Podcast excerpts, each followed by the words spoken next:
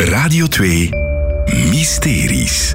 Met Brit van Marsenille en mysteriejager Margot de Rijken. Dag Margot. Hey, dag Brit. Hey, zeg, voor dit mysterie gaan we naar Poperingen. Want daar staat een heel bijzonder kapelletje. Ja, daar staat een bijzonder kapelletje en vooral een heel speciale boom bij. En daar hebben we een aardig boompje over opgezet deze week. Want, um, en wat voor een boom is dat? Het is een geneeskrachtige boom, oh? zeggen ze. Dat hebben we uit verhalen. De buurman van de kapel en de boom, die heeft daar de wildste verhalen over. En daar wilden wij het fijne van weten. Want er zijn mensen die die boom gaan knuffelen, oh. die schors daarvan aftrekken, omdat dat geluk zou brengen of genezing zou brengen. En wat voor soort boom is het dan? Dat is een zwarte populier.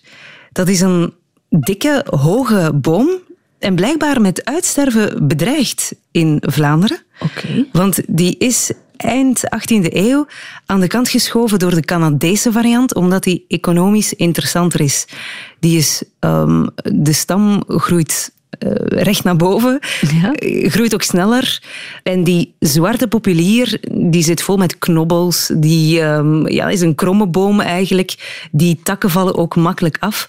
Dus dat was niet interessant, dus hebben ze die niet meer gekweekt. En is die eigenlijk massaal vervangen door de Canadese populier. Dus het is eigenlijk wel een heel zeldzame boom in ons land. Die blijkbaar dan geneeskrachtig is. Ja, Inderdaad, er zijn mensen die dat geloven. Ze zeggen ook, de buurman heeft mij laten voelen aan de onderkant van de boom. Daar zou ja, warmte uitkomen. Ik heb dat niet gevoeld.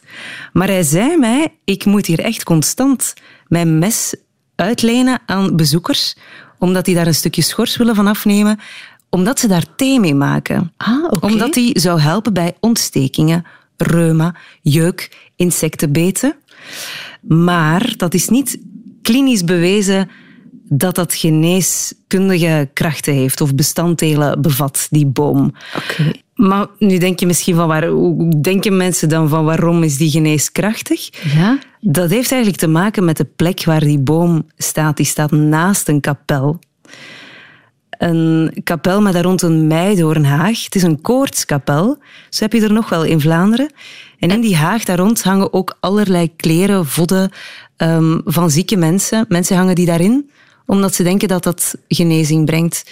Dus het heeft een beetje te maken, je hebt de christelijke kant van dat plekje en dan ook die boom nu, die meer een natuur, ja, geloof in de natuur is.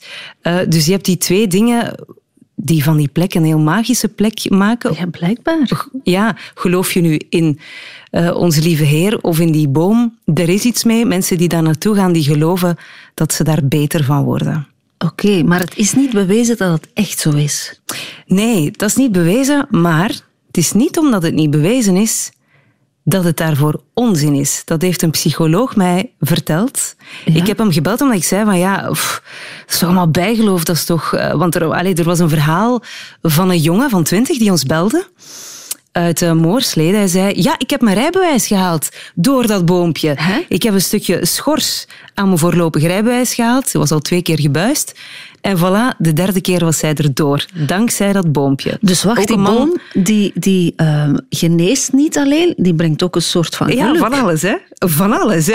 Wat je maar wil, Brit. Oké, okay, Jouw stoutste dromen worden waar. Dankzij die boom. Maar ook echt... Um, ja, er was een man uit Torhout die echt uh, ongeneeslijk ziek was verklaard. Ja? Maar hij ging daar naartoe en hij zei, ik voel hier zo'n kracht uit die boom stralen. Is er heel lang geweest, heel vaak op een dag was hij, genees, allez, was hij genezen verklaard. En dokters stonden ook voor een raadsel van... Sorry, dit is een medisch raadsel. Hoe Wij kan weten dat niet dan? hoe dit kan. Wel ja, het is natuurlijk... Ik denk... We kunnen het niet echt verklaren. Ik heb een psycholoog gebeld. Ik zeg, kan het gewoon zijn dat door het erin geloven dat je daarvan geneest, hè, dat geloof zo krachtig kan zijn... En hij bevestigde dat wel. Hij zegt het is niet omdat het niet wetenschappelijk bewezen is, zoals hè, van die schors en zo, dat het daarvoor onzin is. En je mag daar ook niet mee lachen. um, want dat is voor veel mensen een houvast in onzekere tijden. Ja. En we willen alles verklaren en begrijpen. Maar door daar zo sterk in te geloven, kan het ook wel zijn dat je daar psychisch beter van wordt, dat dat goed is. En dan moet je dat ook vooral blijven doen, zei hij. En als het, ja, als het mentaal helpt. Dan of helpt het, hè? Ja. Zeg maar, Go, heb je nu ook een stukje schors mee naar huis genomen? Voor je weet maar nooit. Er ligt er eentje onder mijn kussen. Ah, sinds deze week. Ik hoor het graag. Leven de kracht van het geloof en het bijgeloof en de verbeelding hè? en de fantasie, dat is het ook een beetje. Fantastisch, hè, toch? Ja. Dankjewel, Margot. Vind ik ook. Meer mysteries? Volg alles in de Radio 2-app.